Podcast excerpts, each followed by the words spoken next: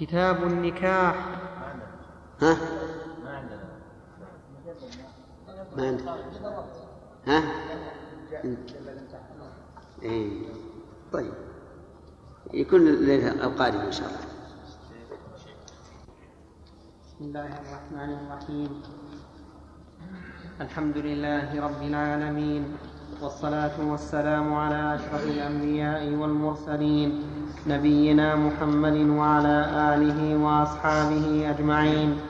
أما بعد فقد قال الإمام مسلم رحمه الله تعالى في صحيحه كتاب النكاح في باب استحباب النكاح لمن تاقت نفسه إليه ووجد مؤونة واشتغال من عجز عن المؤن بالصوم حدثنا يحيى بن يحيى التميمي وأبو بكر بن أبي شيبة ومحمد بن العلاء الهمداني جميعا عن أبي معاوية واللفظ ليحيى قال أخبرنا أبو معاوية عن الأعمش عن إبراهيم عن علقمة أنه قال كنت أمشي مع عبد الله بمنى فلقيه عثمان فقام معه يحدثه فقال له عثمان يا أبا عبد الرحمن ألا نزوجك جارية شابة لعلها تذكرك بعض ما مضى من زمانك قال فقال عبد الله لئن قلت ذاك لقد قال لنا رسول الله صلى الله عليه وسلم يا معشر الشباب من استطاع منكم الباءة فليتزوج فإنه أغض للبصر وأحصن للفرج ومن لم يستطع فعليه بالصوم فإنه له وجاء. قوله رحمه الله قول المترجم لهذا الكتاب أي واضع التراجم كتاب النكاح. النكاح يطلق على العقد وهذا هو الذي يأتي في الكتاب والسنة. يراد به العقد وقد يراد به الوطي لكن بقرينة. وأما من قال إنه مشترك بين العقد والوطئ فقوله ضعيف. فقوله تعالى ولا تنكحوا ما نكح آباؤكم من النساء هذا يراد به إيش؟ العقد. ولا يراد به الوطئ ولهذا لو زنى رجل بامرأة لم تحرم عليه أمها ولا بناتها لأن هذا ليس نكاحا. وأما إذا وجد قرينة تدل على أن المراد بالنكاح الوطء فإنه يحمل على ما دلت عليه القرينة مثل قوله تعالى فإن طلقها فلا تحل له من بعد حتى إيش؟ تنكح زوجا غيره. فهنا تنكح بمعنى تطأ يعني يطأها زوج. بدليل قوله زوجا ولا يكون نكاح بعد زوجية إلا الوطن لأن كلمة زوجا لا تتم إلا بعقد. وقوله تبارك وتعالى الزاني لا ينكح إلا زانية مشركة والزانية لا ينكحها إلا زان مشرك المعنى لا يعقد عليها وليس المعنى لا يطأها كما قاله كثير من العلماء لأن النكاح في اللغة آه، في الشرع يراد به إيش؟ العقد ولا يراد به الوطي إلا بقرينه النكاح سنة لا شك فيه لأنه من سنن المرسلين. قال الله تعالى ولقد أرسلنا رسلا من قبلك وجعلنا لهم أزواجا وذرية. وقال النبي صلى الله عليه وسلم عن نفسه وأتزوج النساء. وأمر بالتزوج كما سيأتي في الحديث. واختلف العلماء هل هو واجب أو لا؟ فقيل إنه واجب مطلقا على كل شاب قادر. لقول النبي صلى الله عليه وسلم يا معشر الشباب من استطاع منكم الباء فليتزوج. وهذا هو الصحيح. أنه واجب لأمر النبي صلى الله عليه وسلم به ولإنكاره على من قال لا أتزوج النساء. وأما إذا خاف الزنا خاف على نفسه من الزنا فلا شك في وجوبه. كما لو كان في بلد متحلل الأخلاق يسهل على الإنسان أن يزني وخاف الزنا فهنا يجب عليه أن يتزوج دفعا لهذا الخوف. والنكاح له فوائد عظيمة يأتي ذكر بعضها في الحديث. يقول كنت أمشي مع عبد الله بن مع عبد الله بن منى القائل من؟ علقمة. فلقيه عثمان بن عفان رضي الله عنه وهو خليفة إذ ذاك فقام معه يحدثه فقال له عثمان يا أبا عبد الرحمن ألا نزوجك؟ يا أبا عبد الرحمن كناه لأن التكنية من باب الإجلال والتكريم. أكنيه حين ألاقيه لأكرمه ولا ألقبه والسوءة اللقب. فإذا آه، نقول إن قوله يا أبا عبد الرحمن من باب التبجيل والتعظيم ألا نزوجك جارية؟ يعني امرأة صغيرة شابة لعلها تذكرك بعض ما مضى من زمانك. يعني تذكرك النشاط على الباءة. ولم يقل لعلها تعيد عليك لكن لعلها تنشطك. ولا شك أن الرجل إذا تزوج امرأة شابة فإنه وإن قلت رغبته في النساء فسوف تقوى رغبته فيهن. و فقال له عبد الله لئن قلت ذاك لقد قال لنا, لنا رسول الله صلى الله عليه وسلم يا معشر الشباب يا معشر أي جماعة والشباب هم الصغار من الثلاثين فأقل وإنما قال له ذلك ليعتذر إليه لأنه رأى أن من الجفاء أن يقول لا رغبة لي في ذلك. فساق الحديث. وكأنه رضي الله عنه يقول وأنا الآن قد كبرت فلا إرب لي في النساء. قال النبي صلى الله عليه وعلى آله وسلم يا معشر الشباب من استطاع منكم الباءة فليتزوج. استطاع بمعنى قدر وأصل استطاع بمعنى دخل في طوعه أي في قدرته.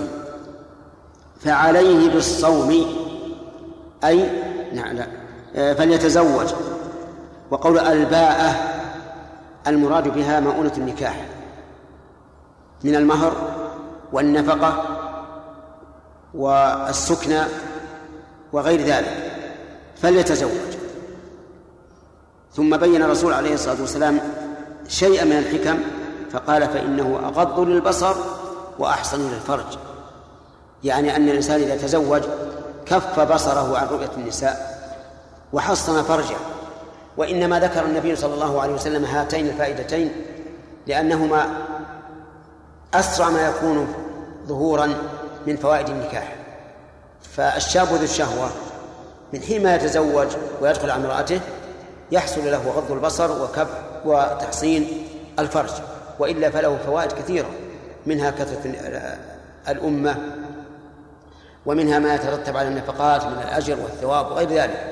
لكن ذكر الرسول هذا لأن هذا ألصق ما يكون بإيش؟ بالشباب وأقرب ما يكون نتيجة أغض للبصر وأحصن للفرج. ومن لم يستطع يعني من لم يستطع الباءة فعليه بالصوم. أي هل يلزم الصوم؟ وهو التعبد لله عز وجل بالإمساك عن المفطرات من طلوع الفجر إلى غروب الشمس. وإنما ذكر الصوم لأن الصوم فيه أولا إذا كان صوما حقيقيا يكف الإنسان فيه لسانه عن الغيبة وجوارحه عن فعل الزور فإنه سوف يحجزه عن المحرمات ويؤدي به إلى الإقبال على الله تبارك وتعالى. والإنسان إذا أقبل على الله إقبالا حقيقيا فإنه يستغني به عن غيره ويشتغل بذكر الله تعالى عما سواه. ولهذا قال النبي صلى الله عليه وسلم لما نهى عن الوصال قالوا إنك تواصل قال إني لست كهيئتكم إني أطعم وأسقى يعني بما في قلبي من ذكر الله عز وجل والتعلق به. فالصوم يؤدي إلى ذلك. ثم إنه من, ناحية البدن يضعف مجاري العروق ويوبسها. فبذلك تضعف مجاري الشيطان لأن الرسول لأن النبي صلى الله عليه وسلم أخبر أن الشيطان يجري من ابن آدم مجرى الدم. فيجتمع الإنسان في هذا عبادة بالصوم الذي اختصه الله لنفسه وكف عن المحرم وتقليل للشهوة لأن الصوم يقللها. ولهذا قال فإنه له وجاء أي قطع له أي لشهوة للنكاح الذي هو الشهوة وجاء أي قطع. فإن لم يستطع الصوم فعليه أن يستعفف. كما قال الله تعالى وليستعفف الذين لا يجدون نكاحا حتى يغنيهم الله من فضله بقدر ما يمكن. فإن قيل هل للشاب أن يستعمل العقاقير التي توجب ضعف الشهوة أو قطعها؟ فالجواب لا لأن هذا يضر بالإنسان. نعم لو فرض أن الإنسان هو بين أمرين إما أن يستعمل هذا العقار وإما أن يزني فحينئذ نقول ضرر الزنا أعظم من مما يحصل من ضرر هذا العقار لا سيما إذا لم يواظب عليه. نعم. حدثنا عثمان بن أبي شيبة قال حدثنا جرير عن الأعمش عن إبراهيم عن علقمة أنه قال إني لأمشي مع عبد الله بن مسعود بمنى إذ لقيه عثمان بن عفان فقال هلم يا أبا عبد الرحمن؟ قال فاستخلاه. فلما رأى عبد الله أن ليست له حاجة قال قال لي تعال يا علقمة.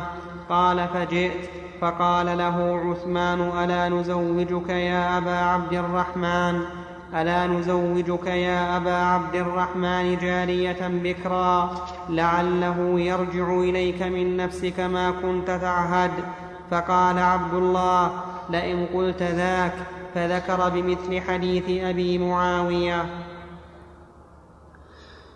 قوله في منى هل هو قد حل التحلل الأول والثاني؟ الجواب هذا هو الظاهر. لأنه في عهد في, في ذلك العهد يسهل أن الإنسان يرمي وينحر ويحلق ويطوف ويسعى. فيحمل على أنه حل التحلل الثاني. والتحلل الثاني يجوز فيه خطبة النساء والعقد بل والجماع. فإن لم يكن تحلل التحلل الثاني وإنما تحلل التحلل الأول فقط ففي فالجماع محرم. لا شك فيه. لقول حل لكم كل شيء إلا النساء. وأما الخطبة وعقد النكاح ففيها خلاف بين العلماء. منهم من قال بالجواز ومنهم من قال بالمنع. والأولى أن يقال بالمنع. لكن لو وقع الشيء بعد وقوعه وتعذر رده فحينئذ يقال إن الفتوى بكونه جائزا لا بأس بها. وأظنه اختيار شيخ الإسلام ابن تيمية رحمه الله أنه لا يحرم بعد التحلل الأول إلا الجماع فقط وأما عقد النكاح فلا بأس به.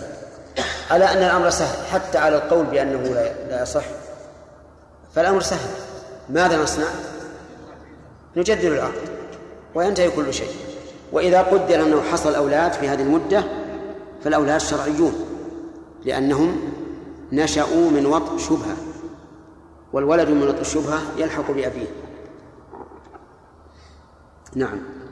حدثنا أبو بكر بن أبي شيبة وأبو كريب قال حدثنا أبو معاوية عن الأعمش عن عمارة بن عمير عن عبد الرحمن بن يزيد عن عبد الله أنه قال قال لنا رسول الله صلى الله عليه وسلم يا معشر الشباب من استطاع منكم الباءة فليتزوج فإنه أغض للبصر وأحصن للفرج ومن لم يستطع فعليه بالصوم فإنه له وجاء حدثنا عثمان بن أبي شيبة قال حدثنا جرير عن الأعمش عن عمارة بن عمير عن عبد الرحمن بن يزيد أنه قال دخلت أنا وعمي علقمة والأسود على عبد الله بن مسعود.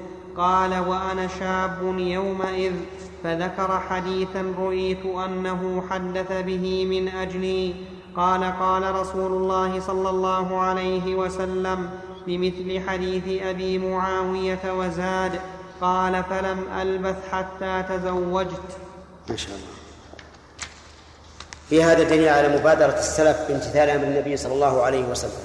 لأن عبد الرحمن بن يزيد قال فما لم فلم ألبث حتى تزوجت. وهكذا ينبغي الإنسان إذا ورد عليه أمر الله وأمر رسوله أن يبادر بامتثال ذلك. لأنه إذا لم يبادر فعليه خطر عظيم. كما قال الله تبارك وتعالى ونقلب أفئدتهم وأبصارهم كما لم يؤمنوا به أول مرة ونذرهم في طغيانهم يعمهون.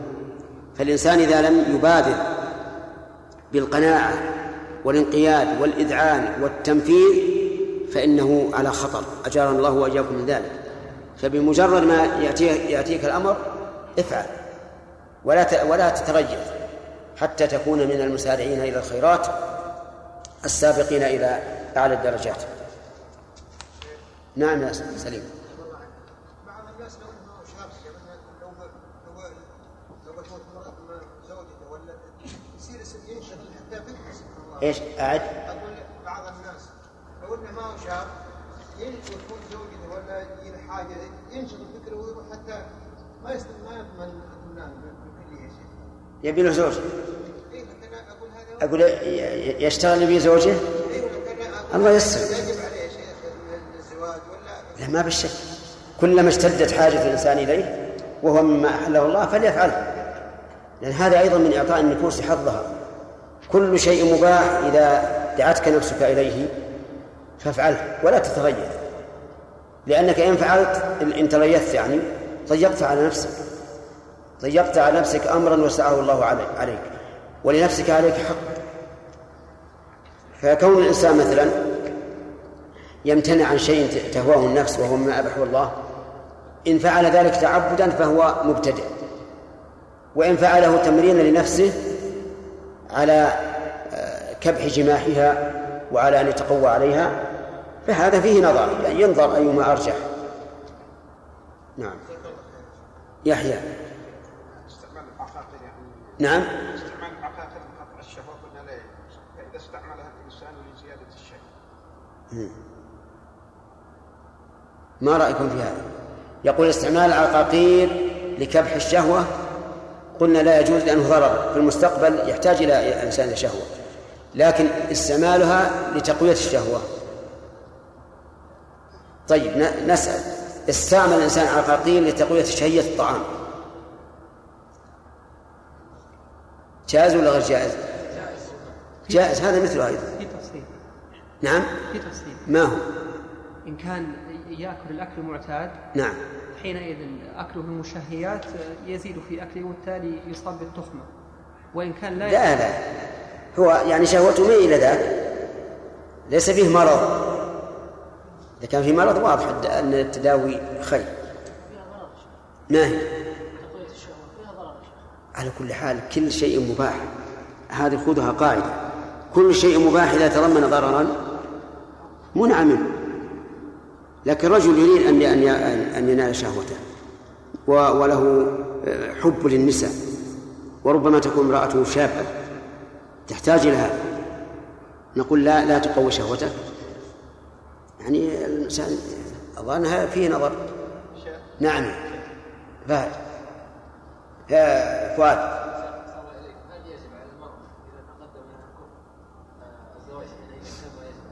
إي نعم. يجب ولكنها ليست كالرجل لأن الرجل الزواج بيده والمرأة بيد غيرها لكن على كل حال متى كانت تخشى, تخشى على نفسها فإنه يجب عليها إذا نكحها من يرضى دينه وخلقه أن تتزوج. نعم. وحدثني حدثنا عبد الله بن سعيد الأشج قال حدثنا وكيع قال حدثنا الأعمش عن عمارة بن عمير عن عبد الرحمن بن يزيد عن عبد الله أنه قال دخلنا عليه وأنا أحدث القوم بمثل حديثهم ولم يذكر فلم ألبث حتى تزوجت. امشي. في إشكال يا شيخ. نعم. في إشكال يقول عن عبد الله قال دخلنا عليه. مع أن الذي تقدم هو عبد الرحمن بن يزيد.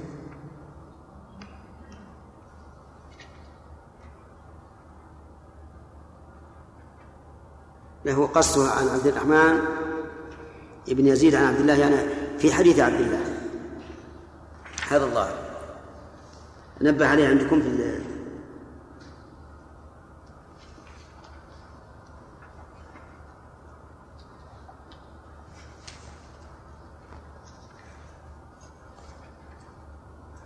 عن عبد الرحمن بن يزيد عن عبد الله فكأنه قطع ثم قال قال أي عبد الرحمن دخلنا عليه. أي على عبد الله.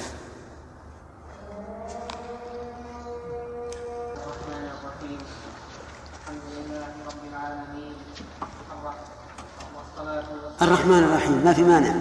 خالد الرحمن الرحيم ما في مانع. نعم. طيب هيا والصلاة والسلام على أشرف الأنبياء والمرسلين نبينا محمد وعلى آله وصحبه أجمعين. أما بعد فقد قال الإمام مسلم رحمه الله تعالى في صحيحه كتاب النكاح. وحدثني أبو بكر وحدثني أبو بكر بن نافع العبدي قال حدثنا بهز قال حدثنا حماد بن سلمة عن ثابت عن أنس أن نفرا من أصحاب النبي صلى الله عليه وسلم سألوا أزواج النبي صلى الله عليه وسلم عن عمله في السر فقال بعضهم لا أتزوج النساء. وقال بعضهم لا آكل اللحم. وقال بعضهم لا أنام لا أنام على فراش. فحمد الله وأثنى. فحمد الله وأثنى عليه فقال ما بال أقوام قالوا كذا وكذا لكني أصلي وأنام وأصوم وأفطر وأتزوج النساء فمن رغب عن سنتي فليس مني. في هذا الحديث دليل على أن من ترك النكاح رغبة عنه لا لعدم الشهوة ولكن تعبدا ورهبانية فإنه ليس من, من النبي صلى الله عليه وسلم في شيء. وهذا يدل دلالة واضحة على تحريم ترك النكاح تعبدا وترهبا. لأن أقل ما في هذا التبرؤ منه أقل أن يكون من كبائر الذنوب. وهؤلاء الصحابة رضي الله عنهم كانوا مشاهدين فسألوا عن عمل النبي صلى الله عليه وسلم في السر أي فيما لا يطلع عليه إلا أهل بيته فكأنهم تقالوا هذا العمل. وقالوا إن النبي صلى الله عليه وعلى آله وسلم غفر له ما تقدم من ذنبه وما تأخر فلا جرم أن أن يكون عمله هكذا. لكن نحن لسنا كذلك فلا بد أن نعمل عملا أكثر. ولكنهم رضي الله عنهم اجتهدوا فأخطأوا. وفيه دليل على أنه ينبغي للقدوة بعلمه أو منصبه. إذا حدث ما يوجب أن يقوم ويتكلم فإنه ينبغي له أن يقوم ويتكلم اتباعا لهدي النبي صلى الله عليه وعلى آله وسلم حتى لا, لا تنتشر البدعة أو لا ينتشر الهدي المخالف لهدي النبي صلى الله عليه وسلم. نعم. وحدثنا أبو بكر بن أبي شيبة قال حدثنا عبد الله بن المبارك حا وحدثنا أبو كريب محمد بن العلاء واللفظ له قال أخبرنا ابن المبارك عن معمر عن الزهري عن سعيد بن المسيب عن سعد بن أبي وقاص أنه قال رد رسول الله صلى الله عليه وسلم على عثمان بن مظعون التبتل ولو أذن له لاختصينا. يعني رد عليه التبتل أي ترك النكاح. كأنه استأذن من الرسول عليه الصلاة والسلام أن يتبتل فرده. قال سعد لو أذن له لاختصينا لأنه إذا اختص الإنسان قلت رغبته في النساء وربما عدمت بالكلية. فإن قال قائل ما الجمع بين هذا وبين قوله تبارك وتعالى وتبتل إليه تبتيلا؟ قلنا المراد بقوله تعالى وتبتل إليه تبتيلا أي تعبد إليه تعبدا لكن لا أنه لا أن المعنى أترك النكاح.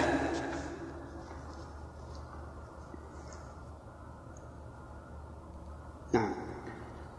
وحدثني أبو عمران محمد بن جعفر بن زياد قال حدثنا إبراهيم بن سعد عن ابن شهاب الزهري عن سعيد بن المسيب أنه قال سمعت سعدا يقول رد على عثمان بن مضعون التبتل ولو أذن له لاختصينا. حدثنا محمد بن رافع قال حدثنا حجين بن المثنى قال حدثنا ليث عن عقيل عن ابن شهاب أنه قال أخبرني سعيد بن المسيب أنه سمع سعد بن أبي وقاص يقول أراد عثمان بن مضعون أن يتبتل فنهاه رسول الله صلى الله عليه وسلم ولو أجاز له ذلك لاختصينا. ان قال قائل لو جاز التبتل فهل يجوز الاختصار نقول إنه لا يجوز الاختصار وقول سعد لو أذن له لاختصينا لم يقع الاختصار حتى نقول إن النبي صلى الله عليه وسلم أجازه أو إن الله أجازه. لكن هذا رأي من سعد لكنه مقتضى القواعد الشرعية أنه لا يجوز. لأن قطع أي عضو من أعضائك أو جلد من جلد من جلدك لم يؤذن لك فيه فإنه حرام. إذ أن بدن الإنسان أمانة عنده. ولهذا يحرم على الإنسان أن يتبرع بشيء من أعضائه لأحد سواء كان في حياته أو اوصى به بعد موته. كما نص على ذلك فقهاؤنا رحمهم الله وممن ذكره صاحب الإقناع في باب تغسيل الميت في كتاب الجنائز أنه لا يجوز أن يتبرع لأحد بعضو من أعضائه ولو أوصى به بعد موته فإنه لا ينفذ. لأن النبي صلى الله عليه وعلى آله وسلم قال كسر عظم الميت ككسره حيا ولما يترتب على ذلك من من المفاسد العظيمة حتى سمعنا أنه في بعض البلاد يختطفون الصغار يختطفون الصغار من أجل أن يبيعوا أعضاءهم الكلية أو الكبد أو ما يمكن زرعه. وكما سمعنا أيضا أن بعضهم يتعجل ما يسمى بالموت الدماغي. فإذا أغمي على الإنسان قالوا خلاص مات موتا دماغيا يلا فقطعوا أوصاله. وعلى كل حال سواء ترتب على ذلك أمور محذورة أو لم يترتب يكفينا أن بدن الإنسان عنده عنده إيش؟ أمانة. لا يجوز أن يعتدي عليه بشيء. قال الله تعالى ولا تقتلوا أنفسكم وقال ولا تلقوا بأيديكم إلى التهلكة. وما تسارع فيه الناس اليوم فإنما ذلك من أجل حرصهم على الدنيا أن يؤخذ من هذا لهذا حتى يبقى هذا الذي زرع فيه وهو إذا بقي فإنما يبقى على على مرض عظيم ومشقة وأدوية دائمة يستعملها ثم لا يدري ربما يبغته الموت في يوم واحد. ولو أن هذا الأمر سلم إلى الله عز وجل فإن بقي الإنسان بقي وإن هلك فكل مصير حي إلى هلك يصير. نعم كل إنسان سيموت. ولهذا لما جاء ملك الموت إلى موسى عليه الصلاة والسلام ليقبض روحه وقال الله له لملك الموت حين راجع ربه تبارك وتعالى اذهب إلى موسى وقل له يضع يده على جلد ثوب فله بقدر ما تحت يده من الشعرات السنين. قال ثم ماذا؟ لما رجع إلى موسى وأخبره قال ثم ماذا؟ قال ثم الموت. قال إذا من الآن. إيش الفائدة؟ لو يعمل الإنسان ألف سنة. قال إذا من الآن ولكن سأل ربه أن يدينه أن يدنيه رمية حجر من الأرض المقدسة. نعم. باب ندب امرأة فوقعت في نفسه إلى أن يأتي امرأته أو جاريته فيواقع فيواقعها. حدثنا فيواقعها. آه، حدثنا عمرو بن علي. قال حدثنا عبد الأعلى. قال حدثنا هشام بن أبي عبد الله عن أبي الزبير عن جابر. أن رسول الله صلى الله عليه وسلم رأى امرأة فأتى امرأته زينب وهي تمعس منيئة وهي تمعس منيئة لها فقضى حاجته ثم خرج إلى أصحابه فقال إن المرأة تقبل في صورة شيطان وتدبر في صورة شيطان فإذا أبصر أحدكم امرأة فليأت أهله فإن ذلك يرد ما في نفسه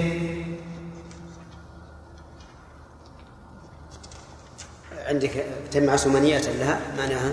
معناها قال قال أهل اللغة المعس الدلك. الدلك. الدلك. والمنيئة قال أهل اللغة هي الجلد أول ما يوضع في الدباغ. وقال الكسائي يسمى منيئة ما دام في الدباغ. وقال أبو عبيدة هو, هو في أول الدباغ منيئة. ثم أفي ثم أفيق. وجمعه أفق كأديم وأدم. في هذا الحديث دليل على ما أشار إليه النبي عليه الصلاة والسلام أن الإنسان بشر. قد يرى امرأة تعجبه فتدب فيه الشهوة. ودواء ذلك أن يأتي أهله الذين آه الذين أباحهم الله له. وهذا دواء محقق النفع. لأن الإنسان لو بقي ربما تتعلق قلبه ربما يتعلق قلبه بما رأى فيهلك. فلهذا نقول يداوى الشيء بضده. يأتي أهله. فإن فإن ما معها مثل الذي معها. يعني مثل الذي رآها فأعجبته. وهذا فيه فائدة وهي دواء الشيء بإيش؟ بما يضاده ويقضي عليه. والذي يضاد هذا هو أن يأتي الإنسان أهله. وفي أيضا في هذا الحديث من الفوائد أن الإنسان يأتي أهله ولو كان في شغل. يدعوها إلى فراشه ولو كانت في شغل. لكن ما لم يمنعها من أداء فريضة. فلو فرض أنه أتاها في آخر الوقت وهي لم تصلي وقالت له دعني أصلي فإنه لا يحل له في هذه الحال أن يدعوها إلى فراشه. لأنه لأنه يلزم من ذلك تأخير الصلاة عن وقتها وهذا لا يجوز. وفي هذا الحديث أيضا دليل على سهولة الحياة في عهد النبي صلى الله عليه وسلم وأصحابه. هذه امرأة من زوجات الرسول عليه الصلاة والسلام. والرسول إمام إمام الأمة عليه الصلاة والسلام. وهي امرأته يعني مثل ما نقول زوجة أكبر واحد في البلد. ماذا تصنع؟ تدلك جلدا من أجل أن تدبغه وهذه حال الحال السهلة اليسيرة المبسطة هي الحياة في الواقع. ونحن عشنا حياة الرفاهية وعشنا ما قبلها ولم نعش أيضا شيئا كثيرا. وجدنا أن العيشة الأولى خير من هذه بكثير. هذه فيها أشياء مريحة للبدن من أشياء مبردة وماء بارد وظل بارد وسيارات فخمة وغير ذلك. وفيما سبق ليس الأمر هكذا لكن راحة القلب والطمأنينة وتعلق القلب بالله عز وجل أكثر بكثير مما هو عليه الآن. نسأل الله أن يهدينا وإياكم نعم. وفي قوله عليه الصلاة والسلام إن المرأة تقبل في صورة شيطان وتدبر في صورة شيطان. دليل على أن المرأة فتنة سواء كانت مقبلة أو أو مدبرة وقوله في صورة الشيطان أي في صورة يزينها الشيطان حتى يرى الإنسان القبيحة من من أجمل النساء. أول ما تقابله تبهو له ويظنها من أجمل نساء العالمين. لكنها في الحقيقة قد تكون قد تكون من أقبح النساء. لكن الشيطان يزينها للإنسان حتى يراها وكأنها من أجمل النساء. وكذلك إذا أدبرت. نعم. نعم يا سالم.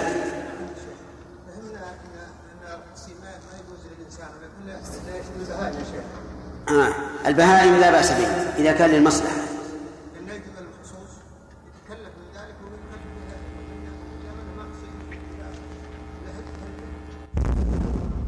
مثل بعض البر؟ هو يموت؟ الجمل يموت ولا الإناث؟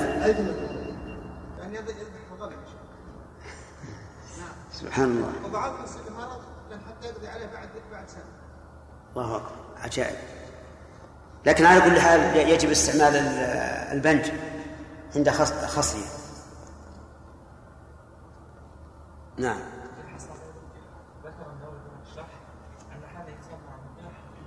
أن يتركها خلها لك طيب أنا أريد أن أسأل سؤال ثاني يعني الذي لا بتوب نفسه لا ولكن يجب يجب الأولى يعني الأولى لا الأولى أن يتزوج. الأولى أن يتزوج لأن الزواج من من من العبادة. نعم.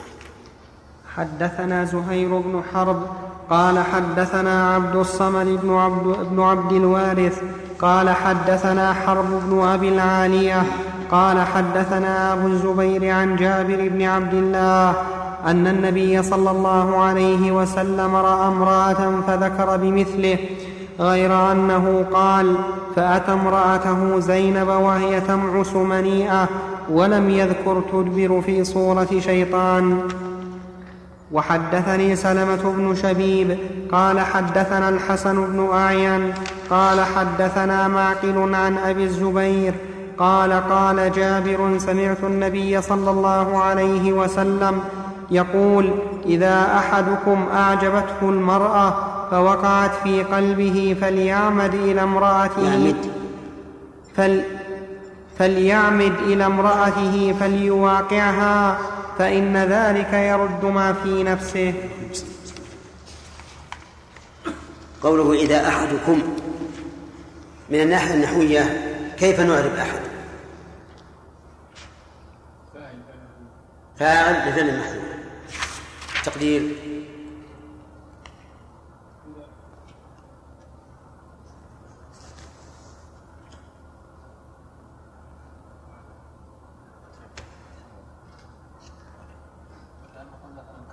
ها؟ إذا كان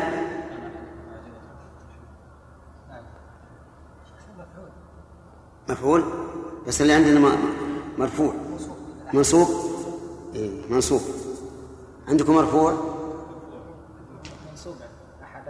إذا أحدكم. طيب على على أنه منصوب. منصوب على الاشتغال. ها؟ على الاشتغال. اشتغال؟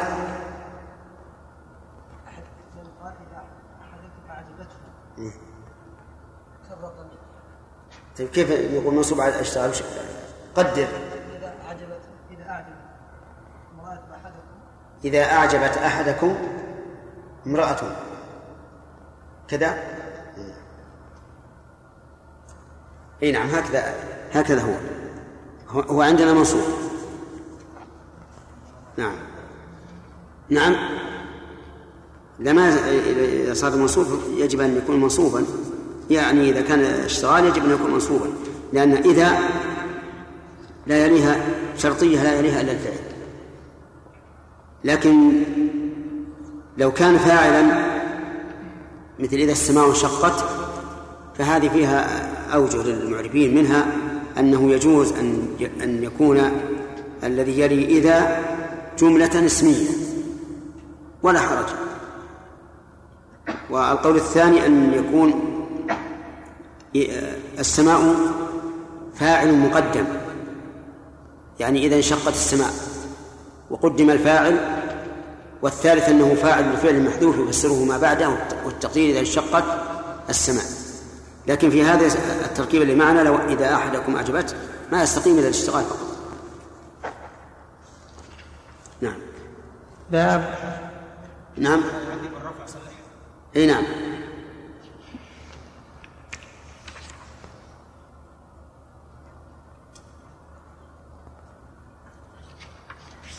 باب نكاح المتعة وبيان أنه أبيح ثم نسخ ثم أبيح ثم نسخ واستقر تحريمه إلى يوم القيامة.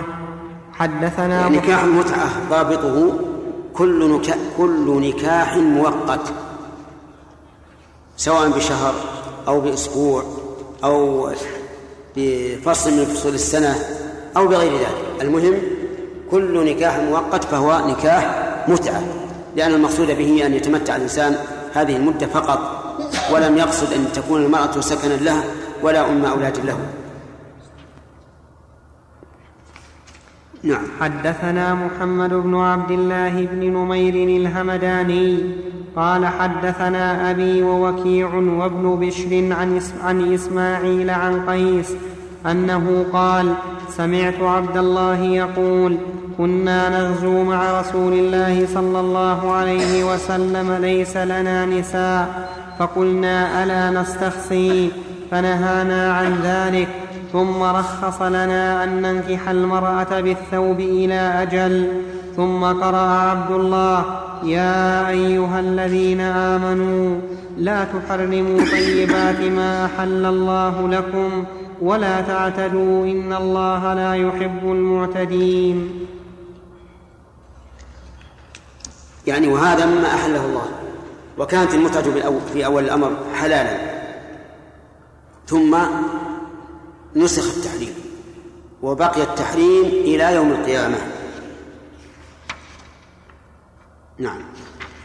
حد وحدثنا عثمان بن أبي شيبة قال حدثنا جرير عن إسماعيل بن أبي خالد بهذا الإسناد مثله وقال ثم قرأ علينا هذه الآية ولم يقل قرأ عبد الله. وحدثنا أبو بكر بن أبي شيبة قال حدثنا وكيع عن إسماعيل بهذا الإسناد قال كنا ونحن شباب. فقلنا يا رسول الله ألا نستخصي؟ ولم يقل نغزو. وحدثنا محمد بن بشار قال حدثنا محمد بن جعفر.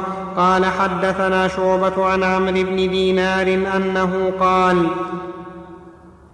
سمعت الحسن بن محمد يحدث عن جابر بن عبد الله وسلمة بن الأكوع أنهما قالا خرج علينا منادي رسول الله رسول الله صلى الله عليه وسلم فقال إن رسول الله صلى الله عليه وسلم قد أذن لكم أن تستمتعوا يعني متعة النساء. وحدثني أمية بن بسطام العيشي قال حدثنا يزيد يعني ابن زريع قال حدثنا روح يعني ابن القاسم عن عمرو بن دينار عن الحسن بن محمد عن سلمة بن الأكوع وجابر بن عبد الله أن رسول الله صلى الله عليه وسلم أتانا فأذن لنا في المتعة. وحدثنا الحسن الحلواني قال حدثنا عبد الرزاق قال أخبرنا ابن قال أخبرنا ابن جريد قال قال عطاء قدم جابر بن عبد الله معتمرا فجئناه في منزله فسأله القوم عن أشياء ثم ذكروا المتعة فقال نعم استمتعنا على عهد رسول الله صلى الله عليه وسلم وأبي بكر وعمر. والمراد بها هنا متعة الحج لا متعة النساء. لأن متعة النساء حرمت في عهد النبي عليه الصلاة والسلام ولم ترجع حلالا في عهد الخلفاء. حدثني محمد بن رافع قال حدثنا عبد الرزاق قال أخبرنا ابن جريج قال أخبرنا ابن جريج قال أخبرني أبو الزبير أنه قال كن سمعت جابر بن عبد الله يقول كنا نستمتع بالقبضة من التمر والدقيق على والدقيق الأيام على عهد رسول الله صلى الله عليه وسلم وأبي بكر حتى نهى عنه عمر في شأن عمرو بن حريث في شأن عمرو بن حريث. شوف الشرح الحديث هذا.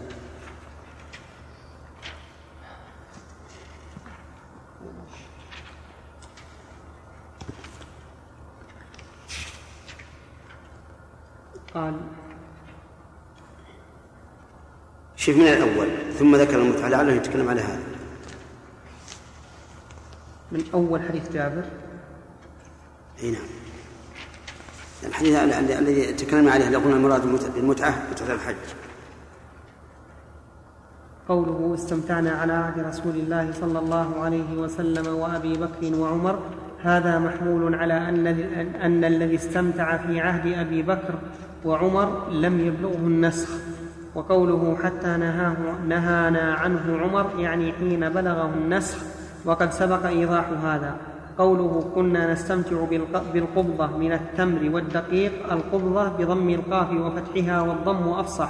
قال الجوهري القبضة بالضم ما قبضه عليه من الشيء. يقال أعطاه قبضة من سويق أو تمر. قال وربما فتح.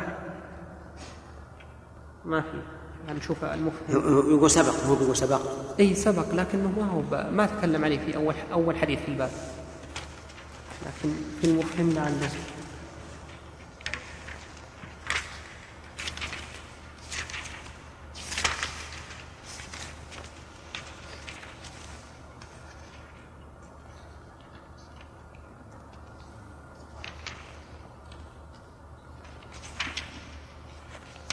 نعم. قال تكلم كلاما طويل. اللي هو؟ المفهم القرطبي. إيه. أقرأه من أوله نعم نعم. ومن باب ما كان أبيح في أول الإسلام من, من نكاح المتعة ونسخه. قوله كنا نغزو مع رسول الله صلى الله عليه وسلم ليس لنا نساء. هذا الحديث وأكثر أحاديث هذا الباب تدل على أن نكاح المتعة إنما ابيح في السفر لحال الضرورة في مدة قصيرة كما قال ابن أبي عمره إنها كانت رخصة في أول الإسلام لمن اضطر إليها كالميتة والدم ولحم الخنزير. وقد اختلفت الروايات واضطربت في وقت إباحتها وتحريمها اضطرابا شديدا بحيث يتعذر فيها التلفيق. ولا يحصل معه تحقيق. فعن ابن أبي عمرة أنها كانت في أول الإسلام كما تقدم. وفي رواية ومن رواية سلمة أنها كانت عام أوطاس. ومن رواية سبره إباحتها يوم الفتح وهما متقاربان ثم تحريمها حينئذ في حديثيهما. ومن رواية علي تحريمها يوم خيبر وهو قبل الفتح وفي غير كتاب مسلم عن علي نهيه صلى الله عليه وسلم عنها في غزوة تبوك. وقد روى أبو داود من حديث الربيع بن سبره النهي عنها, النهي عنها في حجة الوداع. وروي أيضا عن الحسن البصري أنها ما حلت قط إلا في عمرة القضاء. وروي هذا عن سبره أيضا. قلت ولما اختلفت هذه الروايات اختلف العلماء في ذلك على وجهين أحدهما ترجيح بعض هذه الروايات على بعض وثانيهما أن إباحة ذلك وتحريمه تكرر في مواطن. قلت وعلى الجملة فالروايات كلها متفقة على وقوع إباحة المتعة وأن ذلك لم يطل وأنه نسخ وحرم تحريما مؤبدا وأجمع السلف والخلف على تحريمها إلا ما روي عن ابن عباس وروي عنه أنه رجع عنه وإلا الرافضة ولا يلتفت لخلافهم اذ ليسوا على طريقة نكمل بعد. نكمل البحث. الله أكبر. آت محمدا الوسيلة والفضيلة وبعث مقام وأجمع السلف والخلف على تحريمها إلا ما روي عن ابن عباس وروي عنه أنه رجع عنه وإلا الرافضة ولا يلتفت لخلافهم إذ ليسوا على طريقة المسلمين وأجمعوا على أن نكاح المتعة متى وقع فسخ قبل الدخول وبعده إلا ما حكي عن زفر فإنه يلغي الأجل ويصحح العقد وكأنه رأى أنه متى فسد ألغي الشرط وحكم بالصحة وهو خلاف شاذ واختلف أصحابنا إذا دخل في نكاح المتعة هل يحد ولا يلحق به الولد أو يدفع الحد بالشبهة ويلحق الولد على قولين ولكن يعزر ويعاقب. وإذا تقررت هذه المقدمة والصحيح في هذه المسألة أن كل نكاح فاسد إذا اعتقد الزوج فساده فإنه كالنكاح الباطل تماما ولا فرق. النكاح الباطل مجمع على أنها لا تحل وأنه يجب الفسخ. وأما النكاح الفاسد فمختلف فيه والصواب أنه إذا اعتقد الزوج أنه فاسد ولكنه تجرأ وتزوج فإنه يعتبر زانيا. لأنك لو سألت قلت هذا الوضع الذي حصل منك أتبيحه أنت أم لا؟ لقال لقال لا أنا لا ابيحه فيقال إذن لماذا تجرأ وتتقي بصورة عقد باطل عندك؟ ولو صح عند غيرك هذا هذا هو الصحيح في مسألة النكاح الفاسد. أن من اعتقد فساده فهو كالنكاح الباطل تماما. والنكاح الباطل هو الذي أجمع العلماء على فساده والفاسد هو الذي اختلفوا فيه. نعم. وإذا تقررت هذه المقدمة فلنبحث عن ألفاظ الأحاديث الواقعة في هذا الباب. وقوله ألا نستخصي أي نستدعي من يفعل الخصاء أو نحاول ذلك بأنفسنا وقد تقدم تفسير الخصاء وقوله فنهانا عن ذلك هذا النهي على التحريم ولا خلاف في تحريم ذلك في بني آدم لما فيه من الضرر وقطع النسل وإبطال معنى الرجولية وهو في غير بني آدم ممنوع أيضا في الحيوان إلا لمنفعة حاصلة في ذلك كتطييب اللحم أو قطع أو قطع أو قطع ضرر ذلك الحيوان. وسيأتي لهذا مزيد تفصيل وقوله رخص لنا سليم موجود. لأن مسألة الجمل الذي يذكر تنطبق على خوف ضرر الحيوان. نعم. وقوله رخص لنا أن ننكح المرأة بالثوب إلى أجل وفي حديث جابر بالقبة من التمر والدقيق وليس في هذا حجة لمن قال إن الصداق لا يتقدر أقله بمقدار وهو قول الشافعي لأن هذا الحديث كله منسوخ ولأن ذلك للضرورة وعدم الوجدان لأكثر منه ولإمكان أن تساوي القبضة من الدقيق أو التمر أقل الصداق على قول من يحدده لأن تلك الأوقات أوقات المجاعات والشدائد. تلك, و... تلك. لأن تلك الأوقات أوقات المجاعات. لا الأوقات بالنصب. لأن تلك الأوقات لأن التأصلية الأوقات جمع وقت. التأصلية فلا يعامل معاملة جمع المؤنث السالم نعم. لأن تلك الأوقات أوقات للمجاعات. لأن تلك الأوقات أوقات المجاعات والشدائد. وكان نكاح المتعة ينفسخ بحلول الأجل من غير طلاق. ولا يجب به ميراث. وقد قدمنا الكلام على هذا في باب المتعة في الحج واستدلال عبد الله بن مسعود على إباحته بقوله لا تحرموا طيبات ما أحل الله لكم لا حجة فيه لأن الله تعالى هو الذي حرم نكاح المتعة لا نحن وكأنه ما كان إذ ذاك بلغه الناسخ وبعد ذلك بلغهم ورجع عن ذلك. وقول جابر كنا نستمتع بالقبضة من التمر والدقيق على عهد رسول الله صلى الله عليه وسلم وأبي بكر, وفي وأبي بكر في رواية وعمر ظاهر هذا استمرار العمل عندهم وفي أعصارهم على نكاح المتعة واشتهار ذلك إلى أن نهى عنه عمر وهذا مخالف لأكثر, أح لأكثر أحاديث هذا الباب كما ذكره والصحيح الأول كما ذكرناه وهذا محمول من جابر على إخباره عمن لم يبلغه الناس كابن عباس فاستمر على التمسك بالإباحة الأولى في هذه الأعصار إلى أن أوضح عمر وعبد الله بن الزبير أن ذلك منسوخ وتقدما في ذلك وتوعدا عليه بالرجم فتبين الصبح لذي عينين وضاءت الشمس لسليم الحاستين وكان شأن عمرو بن حريث أنه تزوج امرأة نكاح المتعة وأنه استمر عليها إلى زمان خلافة عمر لأنه لم يسمع الناسخ فحملت منه فأنهي أمره إلى عمر فنهي عن ذلك وقد تقدم القول فنهى. نهى عمر. عندي فنهي. بالضم. بالضم. يعني عندي, عندي حتى نهي نهى عنه عمر في شأن عمرو في الأصل. ضمها. اي مش الأمر واسع. وقد تقدم القول على جابر فعلناها مع رسول الله صلى الله عليه وسلم في باب متعة الحج.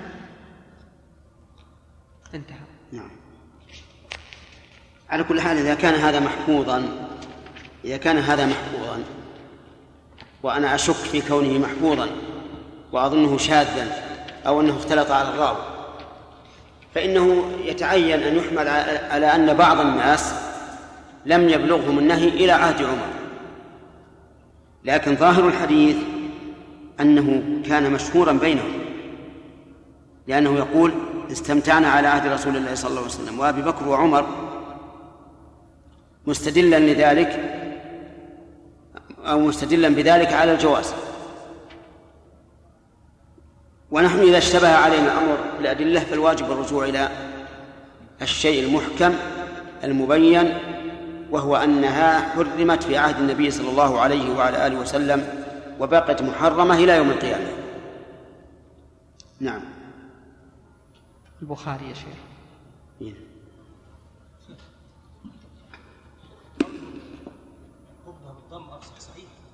إيه. ها؟ افصح قبضه اي صحيح. صحيح. أي قوله تعالى؟ قبضته قبضه ها. هذا غير. يعني قبضة واحدة القبضة بالمعنى للمعنى بالضم. وللمرة بالفتح. العدد يعني. العدد. قال ابن مالك رحمه الله وفعل كل مرة كجلسة. طيب. والصلاة والسلام على أشرف الأنبياء والمرسلين نبينا محمد وعلى آله وأصحابه أجمعين. أما بعد فقد قال الإمام مسلم رحمه الله تعالى في صحيحه في كتاب النكاح حدثنا حامد أنا الحقيقة. يعني الطالب ما أحب منه مثل يقول قال مقيده وما أشبه ذلك من الكلمات الكبيرة يعني. هذه لا يقولها إلا إنسان كبير كالشنقيطي رحمه الله وهو يعتادها كثيرا في كتابه في أضواء البيان وغيره. فالإنسان يعني أقوله من باب التنبيه لا من باب التخدع إذا كان الإنسان لم يبلغ المبلغ الذي يعد من كبار العلماء فالأحسن يقول آه، مثل قلت إن قال كذا أو يقول الراجح كذا. العبارات الجزلة لو تترك للعلماء الكبار. نعم. حدثنا حامد بن عمر البكراوي قال حدثنا عبد الواحد يعني ابن زياد عن عاصم عن أبي نضرة قال كنت عند جابر بن عبد الله فأتاه آت فقال ابن عباس وابن الزبير اختلفا في المتعتين فقال جابر فعلناهما مع رسول الله صلى الله عليه وسلم ثم نهانا عنهما عمر فلم نعد لهما حدثنا لعل عمر نهى عنهما يعني أظهر النهي. أما متعة الحج فلا شك أن عمر رضي الله عنه اتخذها سياسة لكنها سياسة فيها نظر لأنه نهى عن متعة الحج لئلا يتكل الناس على سفر واحد في أشهر الحج ويدعوا البيت الحرام مهجورا لا يفد إليه أحد في بقية العام. هذا ملحظ عمر رضي الله عنه لكن هذا الملحظ وإن كان اجتهادا بلا شك إذا خالف النص فإنه إيش؟ لا عبرة به فإن النبي صلى الله عليه وسلم أمر بالمتعة في أشهر الحج حتى أنطق الله سراقة بن مالك بن جعشم فقال يا رسول الله ألعامنا هذا أم للأبد؟ قال بل لأبد الأبد وهذا نص صريح واضح بأن متعة الحج ثابتة بسنة الرسول عليه الصلاة والسلام. لكن عمر اتخذ هذا سياسة. أما متعة النكاح فلا شك أن أن عمر رضي الله عنه مصيب لأن السنة واضحة واضحة في أن متعة النكاح حرام. لكن لعلها صار فيها اختلاف في أول الأمر ثم إن عمر أظهر ذلك ولحزمه رضي الله عنه. صار يمنع منعا باتا منه. نعم.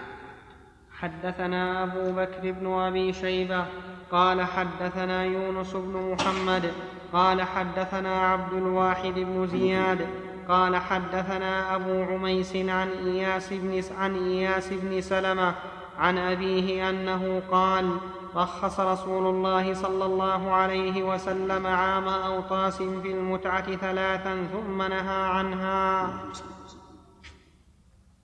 عام أوطاس هو عام كم؟ في السنة الثامنة. لأن يعني أوطاس وثقيف وهوازن كلها تبع غزوة الطائف. وحدثنا قتيبة بن سعيد قال حدثنا ليث عن الربيع بن سبرة الجهني عن الربيع بن سبرة الجهني عن أبيه سبرة أنه قال أذن لنا رسول الله صلى الله عليه وسلم بالمتعة فانطلقت أنا ورجل إلى امرأة من بني عامر كأنها بكرة عيطاء فعرضنا عليها أنفسنا فقالت ما تعطي؟ فقلت ردائي. وقال صاحبي ردائي. وكان رداء صاحبي أجود من ردائي. وكنت أشب منه. فإذا نظرت إلى رداء صاحبي أعجبها. وإذا نظرت إلي أعجبتها. ثم قالت أنت ورداؤك يكفيني. فمكثت معها ثلاثا. ثم إن رسول الله صلى الله عليه وسلم قال من كان عنده شيء من هذه النساء التي يتمتع فليخل سبيلها. في هذا دليل على صلاحة الصحابة رضي الله عنهم. وإلا مثل هذا الكلام قد يستحي الإنسان أن يعرضه. لكن الصحابة عرضوه صراحة بينة. آه، هنا مال وشباب فاختارت المرأة الشباب على المال لأنه أكبر تحصينا لفرجها ونيل حاجتها. والرداء الجديد اليوم يكون خلقا بعد أيام فلهذا اختارت الشاب على من رداؤه حسن. وفيه أيضا دليل على أن المتعة يبذلون فيها الشيء اليسير. كالرداء وقبضة الطعام وما أشبه ذلك. وفيه أيضا أن الرسول عليه الصلاة والسلام نهى عنها بعد أن أحلها. نعم.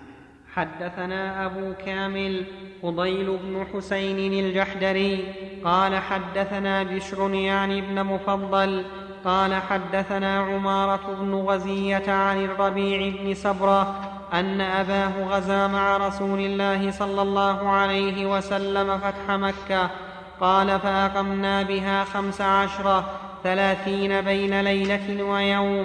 فأذن لنا رسول الله صلى الله عليه وسلم في متعة النساء. فخرجت أنا ورجل من قومي ولي عليه فضل في الجمال وهو قريب من الدمامة. مع كل واحد منا برد. فبردي خلق وأما برد ابن عمي فبرد جديد غض حتى إذا كنا بأسفل مكة أو بأعلاها كنا بأسفل. حتى إذا كنا بأسفل مكة أو بأعلاها فتلقتنا فتاة مثل البكرة العنطنطة فقلنا هل لك أن يستمتع منك أحدنا؟ قالت وماذا تبذلان؟ فنشر كل واحد منا برده فجعلت تنظر إلى الرجلين ويراها صاحبي تنظر إلى عطفها فقالت إن بردها فقال إن برد هذا خلق وبردي جديد غض فتقول برد هذا لا بأس به ثلاث مرار أو مرتين ثم استمتعت منها فلم أخرج حتى حرمها رسول الله صلى الله عليه وسلم هل في هذا بيع على بيع المسلم أو خطبة على خطبته؟ لا نعم. أي نعم. هذا مثل بيع المزايدة. كلاهما حضر جميعا وكل واحد منهما يريد أن يكون أن تكون من حظه. نعم. نعم. في التفسير عنه. وحدثني أحمد بن سعيد بن صخر الدارمي قال حدثنا أبو النعمان قال حدثنا مهيب قال حدثنا عمارة بن غزي بن غزية قال حدثني الربيع قال حدثني الربيع قال حدثني الربيع بن سبرة الجهني عن أبيه قال خرجنا مع رسول الله صلى الله عليه وسلم عام الفتح إلى مكة فذكر بمثل حديث بشر وزاد قالت وهل يصلح ذاك وفيه قال إن برد هذا خلق مح حدثنا محمد بن عبد الله بن نمير قال حدثنا أبي قال حدثنا عبد العزيز بن عمر قال حدثنا الربيع الربيع بن سبرة الجهني أن أباه حدثه أنه كان مع رسول الله صلى الله عليه وسلم فقال يا أيها الناس إني قد كنت أذنت لكم في الاستمتاع من النساء وإن الله قد حرم ذلك إلى يوم القيامة فمن كان عنده منهن شيء فليخل سبيله ولا تأخذوا مما آتيتموهن شيئا. هذا صحيح بأن هذا الحكم الناسخ لن يتغير لأن هذا خبر من النبي صلى الله عليه وسلم إلى يوم القيامة ولا يمكن أن يحلل بعد هذا لأنه لو لو فرض أنه حلل بعد هذا لكان هذا الخبر غير صادق والنبي صلى الله عليه وسلم خبره صادق حاضرا ومستقبلا. نعم. وحدثناه أبو بكر بن أبي شيبة قال حدثنا عبدة بن سليمان عن عبد العزيز بن عمر بهذا الإسناد قال رأيت رسول الله صلى الله عليه وسلم قائما بين الركن والباب وهو يقول بمثل حديث ابن نمير حدثنا إسحاق بن إبراهيم قال أخبرنا يحيى بن آدم قال حدثنا إبراهيم بن سعد عن عبد الملك بن الربيع بن سبره الجهني عن أبيه عن جده أنه قال أمرنا رسول الله صلى الله عليه وسلم بالمتعة عام الفتح حين دخلنا مكة ثم حين دخلنا مكة. حين دخلنا مكة ثم لم نخرج منها حتى نهانا عنها. وحدثنا يحيى بن يحيى قال أخبرنا عبد العزيز بن الربيع بن صبرة بن معبد قال سمعت أبي ربيع بن, سبر بن سبره يحدث عن أبيه سبره بن معبد أن نبي الله صلى الله عليه وسلم عام فتح مكة أمر أصحابه بالتمتع من النساء قال فخرجت أنا وأنا وصاحب لي من بني سليم حتى وجدنا جارية من بني عامر كأنها بكرة عيطاء فخطبناها إلى نفسها وعرضنا عليها بردينا. فجعلت تنظر فتراني أجمل من صاحبي وترى برد صاحبي أحسن من بردي فآمرت نفسها ساعة ثم اختارتني على صاحبي فكن معنا ثلاثا ثم أمرنا رسول الله صلى الله عليه وسلم بفراقهن. حدثنا عمرو الناقد وابن نمير قال حدثنا سفيان بن عيينة عن الزهري عن الربيع بن سبرة عن أبيه أن النبي صلى الله عليه وسلم نهى عن نكاح المتعة. وحدثنا أبو بكر بن أبي شيبة قال حدثنا ابن علية عن معمر عن الزهري عن الربيع بن سبرة عن أبيه أن رسول الله صلى الله عليه وسلم نهى يوم الفتح عن متعة النساء وحدثنيه حسن الحلواني وعبد بن حميد عن يعقوب بن إبراهيم بن سعد قال حدثنا أبي عن صالح قال أخبرنا ابن شهاب عن الربيع بن سبره الجهني عن أبيه أنه أخبره أن رسول الله صلى الله عليه وسلم نهى عن المتعة زمان الفتح متعة النساء وأن أباه كان تمتع ببردين أحمرين. وحدثني حرملة بن يحيى قال أخبرنا ابن وهب قال أخبرني يونس قال ابن شهاب أخبرني عروة بن الزبير أن عبد الله بن الزبير قام بمكة فقال إن اناسا أعمى الله قلوبهم كما أعمى أبصارهم. يفتون بالمتعة يعرض برجل فناداه فقال إنك لجلف جاف فلعمري لقد كانت المتعة تفعل على عهد إمام المتقين. يريد رسول الله صلى الله عليه وسلم فقال له ابن الزبير فجرب بنفسك. فوالله لئن فعلتها لأرجمنك بأحجارك. قال ابن شهاب فأخبرني خالد بن المهاجر بن سيف الله أنه بينا هو جالس عند رجل جاءه رجل فاستفتاه في المتعه فأمره بها فقال له ابن أبي عمرة الأنصاري مهلا؟ قال ما هي؟ والله لقد فعلت في عهد إمام المتقين. قال ابن أبي عمرة إنها كانت رخصة في أول الإسلام لمن اضطر إليها كالميتة والدم ولحم الخنزير ثم أحكم الله الدين ونهى عنها.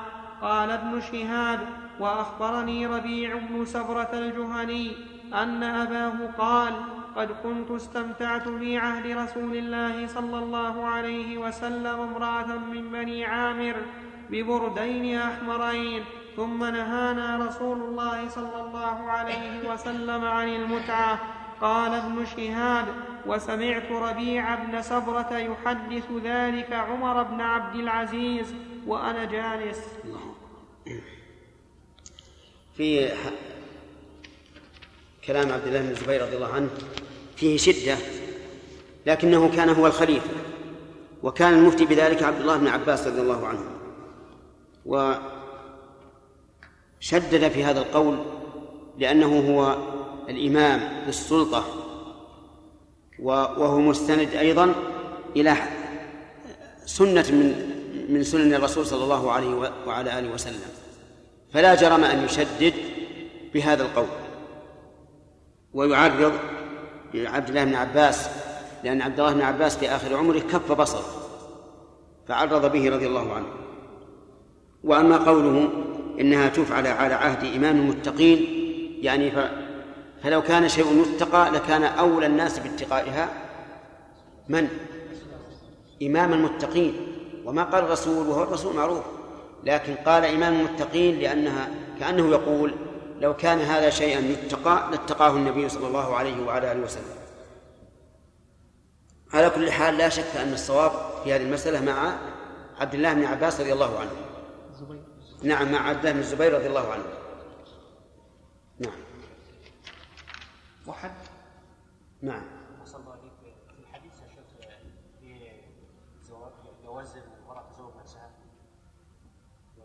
هذه نكاح المتعة ما هو نكاح الدوام؟ نعم. وحدثني سلمة بن شبيب قال حدثنا بسم الله الرحمن الرحيم. الحمد لله رب العالمين والصلاة والسلام على أشرف الأنبياء والمرسلين نبينا محمد وعلى آله وأصحابه أجمعين.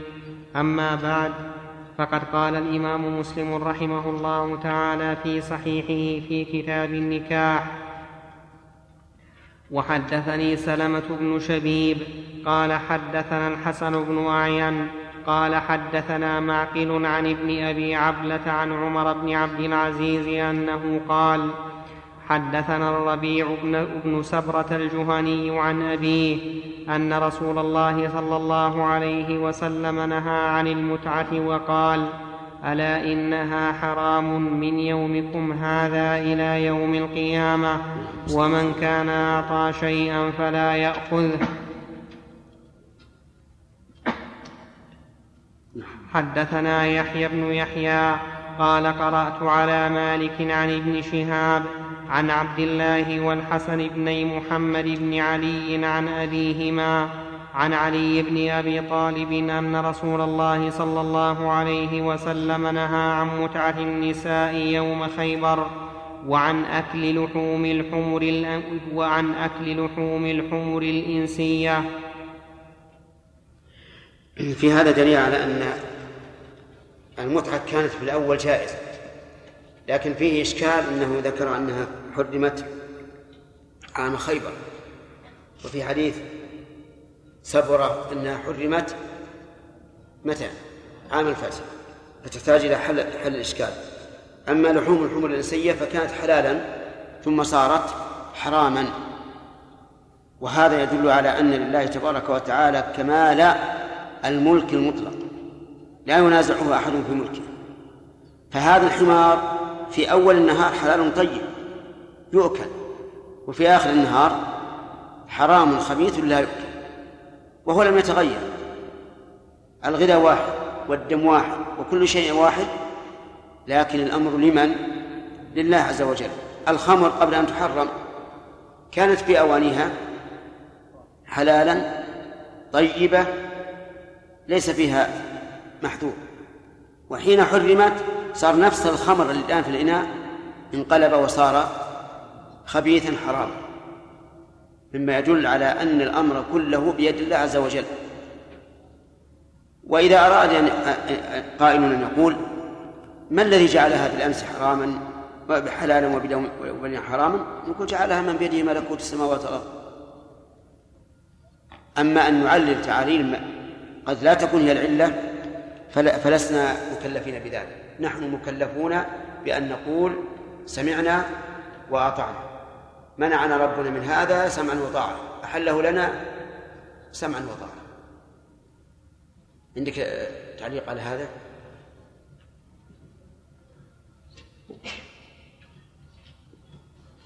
يرحمك الله. يرحمك الله. يرحمك الله.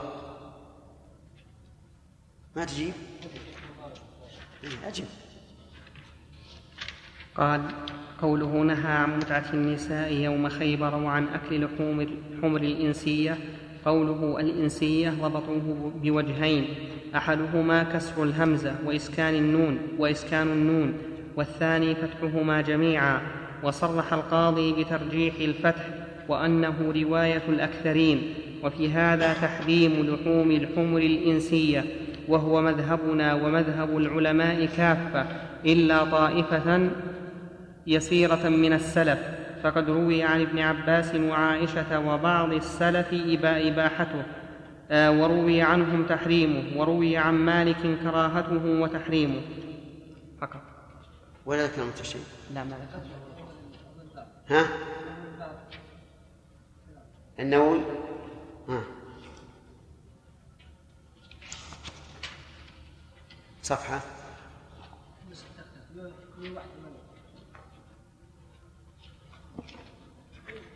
قوله آه، اعلم أن القاضي عياضا بسط شرح هذا الباب بسطا بليغا وأتى فيه بأشياء نفيسة وأشياء يخالف فيها. فالوجه أن ننقل ما ذكره مختصرا ثم نذكر ما ينكر عليه ويخالف فيه.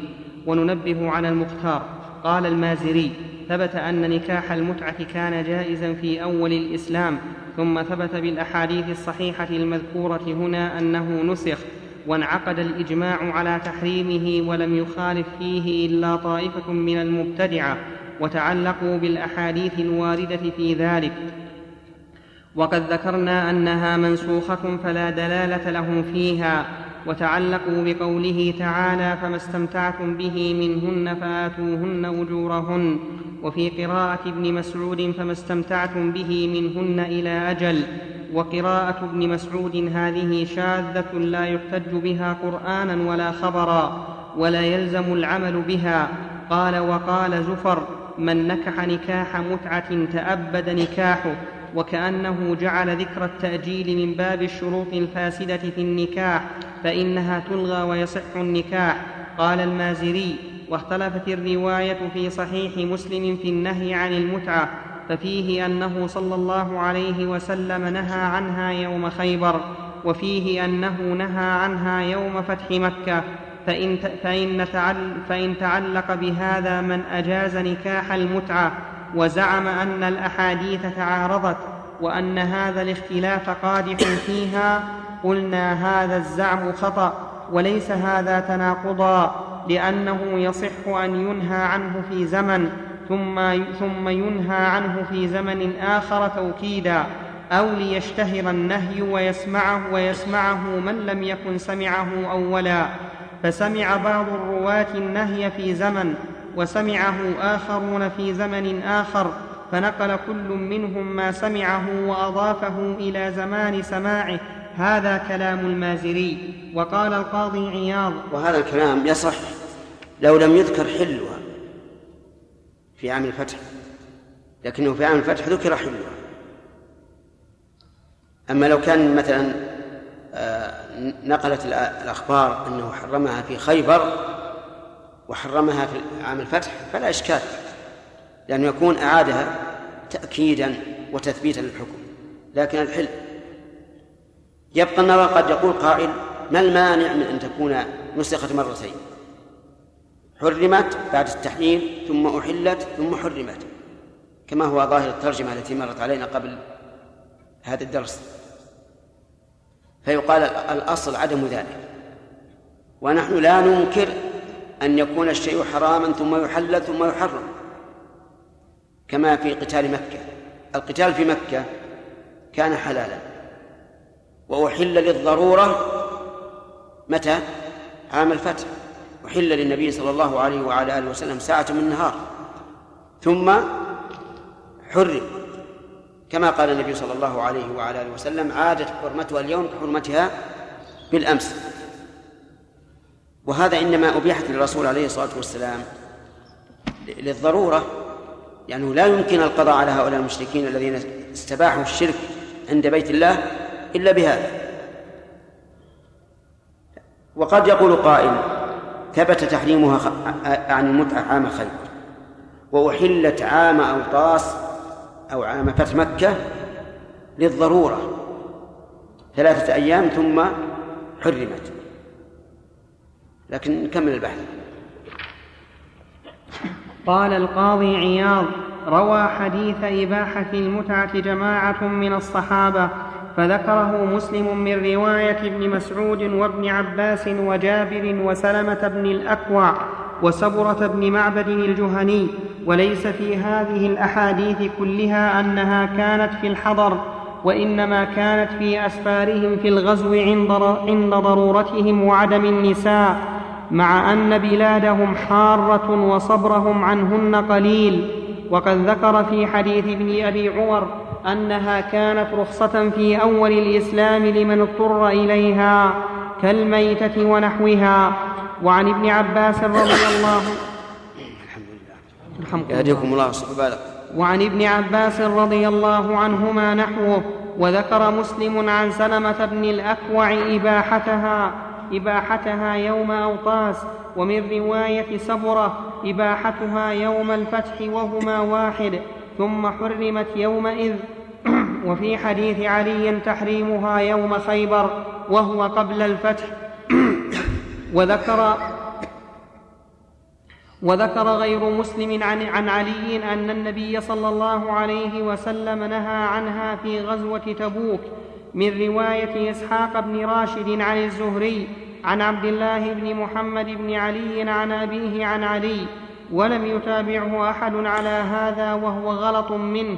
وهذا الحديث رواه مالك في الموطأ وسفيان بن عيينة والعمري ويونس وغيرهم عن الزهري. وفيه يوم خيبر وكذا ذكره مسلم عن جماعة عن الزهري. وهذا هو الصحيح. وقد روى أبو داود من حديث الربيع بن صبرة عن أبيه النهي عن إبا عنها في حجة الوداع. قال أبو داود وهذا أصح ما روي في ذلك. وقد روي وقد روي عن صبرة أيضا إباحتها في حجة هذا إن صح وكان محفوظا فيمكن أن يقال إن الرسول قال في حجة الوداع من باب من باب التوكيد والتذكير. لكن لا أظنه يصح نعم. وقد روي عن صبرة أيضا إباحتها في حجة الوداع ثم نهى النبي صلى الله عليه وسلم عنها حينئذ إلى يوم القيامة. وروي عن الحسن البصري أنها ما حلت قط إلا في عمرة القضاء. وروي هذا عن سمرة الجهني أيضا. ولم يذكر مسلم في روايات حديث سبرة تعيين وقت إلا في رواية محمد بن سعيد الدارمي ورواية إسحاق بن إبراهيم ورواية يحيى بن يحيى فإنه ذكر فيها يوم فتح مكة. قالوا وذكر, وذكر الرواية بإباحتها يوم حجة الوداع خطأ لأنه لم يكن يومئذ ضرورة ولا عزوبة وأكثرهم حجوا بنسائهم. والصحيح أن الذي جرى في حجة الوداع مجرد النهي كما جاء في غير رواية ويكون تجديده صلى الله عليه وسلم النهي عنها يومئذ لاجتماع الناس وليبلغ الشاهد الغائب ولتمام الدين ولتمام الدين وتقرر الشريعة كما قرر غير شيء. وبين الحلال والحرام يومئذ وبث تحريم المتعة حينئذ لقوله إلى يوم القيامة. قال القاضي ويحتمل ما جاء من تحريم المتعة يوم خيبر وفي عمرة القضاء ويوم الفتح ويوم أوطاس أنه جدد النهي عنها في هذه المواطن لأن حديث تحريمها يوم خيبر صحيح لا مطعن فيه بل هو ثابت من رواية الثقات الأثبات لكن في رواية سفيان أنه نهى عن المتعة وعن لحوم الحمر الأهلية يوم خيبر فقال بعضهم هذا الكلام فيه انفصال ومعناه أنه حرم المتعة ولم يبين زمن تحريمها ثم قال ولحوم الحمر الأهلية يوم خيبر. فيكون يوم خيبر لتحريم الحمر خاصة ولم يبين وقت تحريم المتعة ليجمع بين, الرواي ليجمع بين الروايات. قال هذا القائل وهذا هو الأشبه أن تحريم المتعة كان بمكة.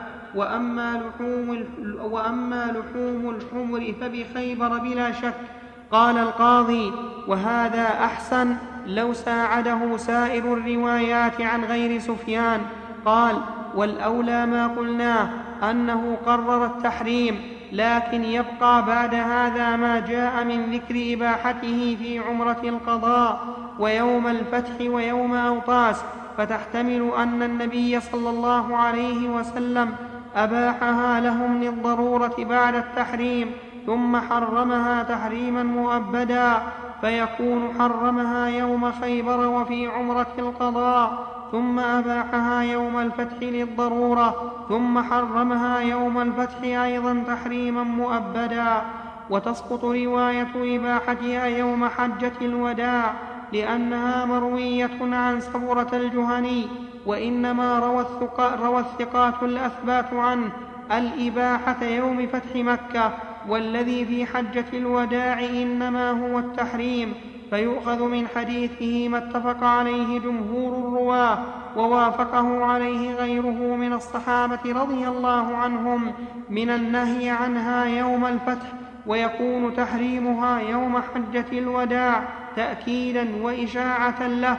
كما سبق وأما قول الحسن إنما كانت في عمرة القضاء لا قبلها ولا بعدها فترده الأحاديث الثابتة في تحريمها يوم خيبر وهي قبل عمرة القضاء وما جاء من إباحتها يوم فتح مكة ويوم أوطاس مع أن الرواية بهذا إنما جاءت عن سبرة عن سبرة وهو راوي الروايات الأخر وهي أصح في فيترك ما خالف الصحيح. وقد قال بعضهم هذا مما, مما تداوله التحريم والإباحة والنصف مرتين. والله أعلم. هذا آخر كلام القاضي. والصواب المختار أن التحريم والإباحة كانا مرتين وكانت حلالا قبل خيبر ثم حرمت يوم خيبر ثم أبيحت يوم فتح مكة وهو يوم أوطاس لاتصالهما. ثم حرمت يومئذ بعد ثلاثة أيام تحريما مؤبدا إلى يوم القيامة واستمر التحريم. ولا يجوز أن يقال إن الإباحة مختصة بما قبل خيبر والتحريم يوم خيبر للتأبيد وأن الذي كان يوم الفتح وأن الذي كان وأن الذي كان يوم الفتح مجرد توكيد التحريم من غير تقدم إباحة يوم الفتح كما اختاره المازري والقاضي لأن الروايات التي ذكرها مسلم في الإباحة يوم الفتح صريحة في ذلك فلا يجوز إسقاطها ولا مانع يمنع تكرير الإباحة والله أعلم. قال القاضي واتفق العلماء على أن هذه المتعة كانت نكاحا إلى أجل لا ميراث فيها وفراقها يحصل بانقضاء الأجل من غير طلاق ووقع الإجماع بعد ذلك على تحريمها من جميع العلماء إلا الروافض. وكان ابن عباس رضي الله عنه يقول بإباحتها وروي عنه أنه رجع عنه قال وأجمعوا على أنه متى وقع نكاح المتعة الآن حكم ببطلانه سواء كان قبل الدخول أو بعده إلا ما سبق عن زفر. واختلف أصحاب مالك هل يحد الواطئ فيه ومذهبنا أنه لا يحد لشبهة العقد وشبهة الخلاف ومأخذ الخلاف اختلاف الأصوليين في أن الإجماع بعد الخلاف هل يرفع الخلاف ويصير المسألة مجمعا عليها؟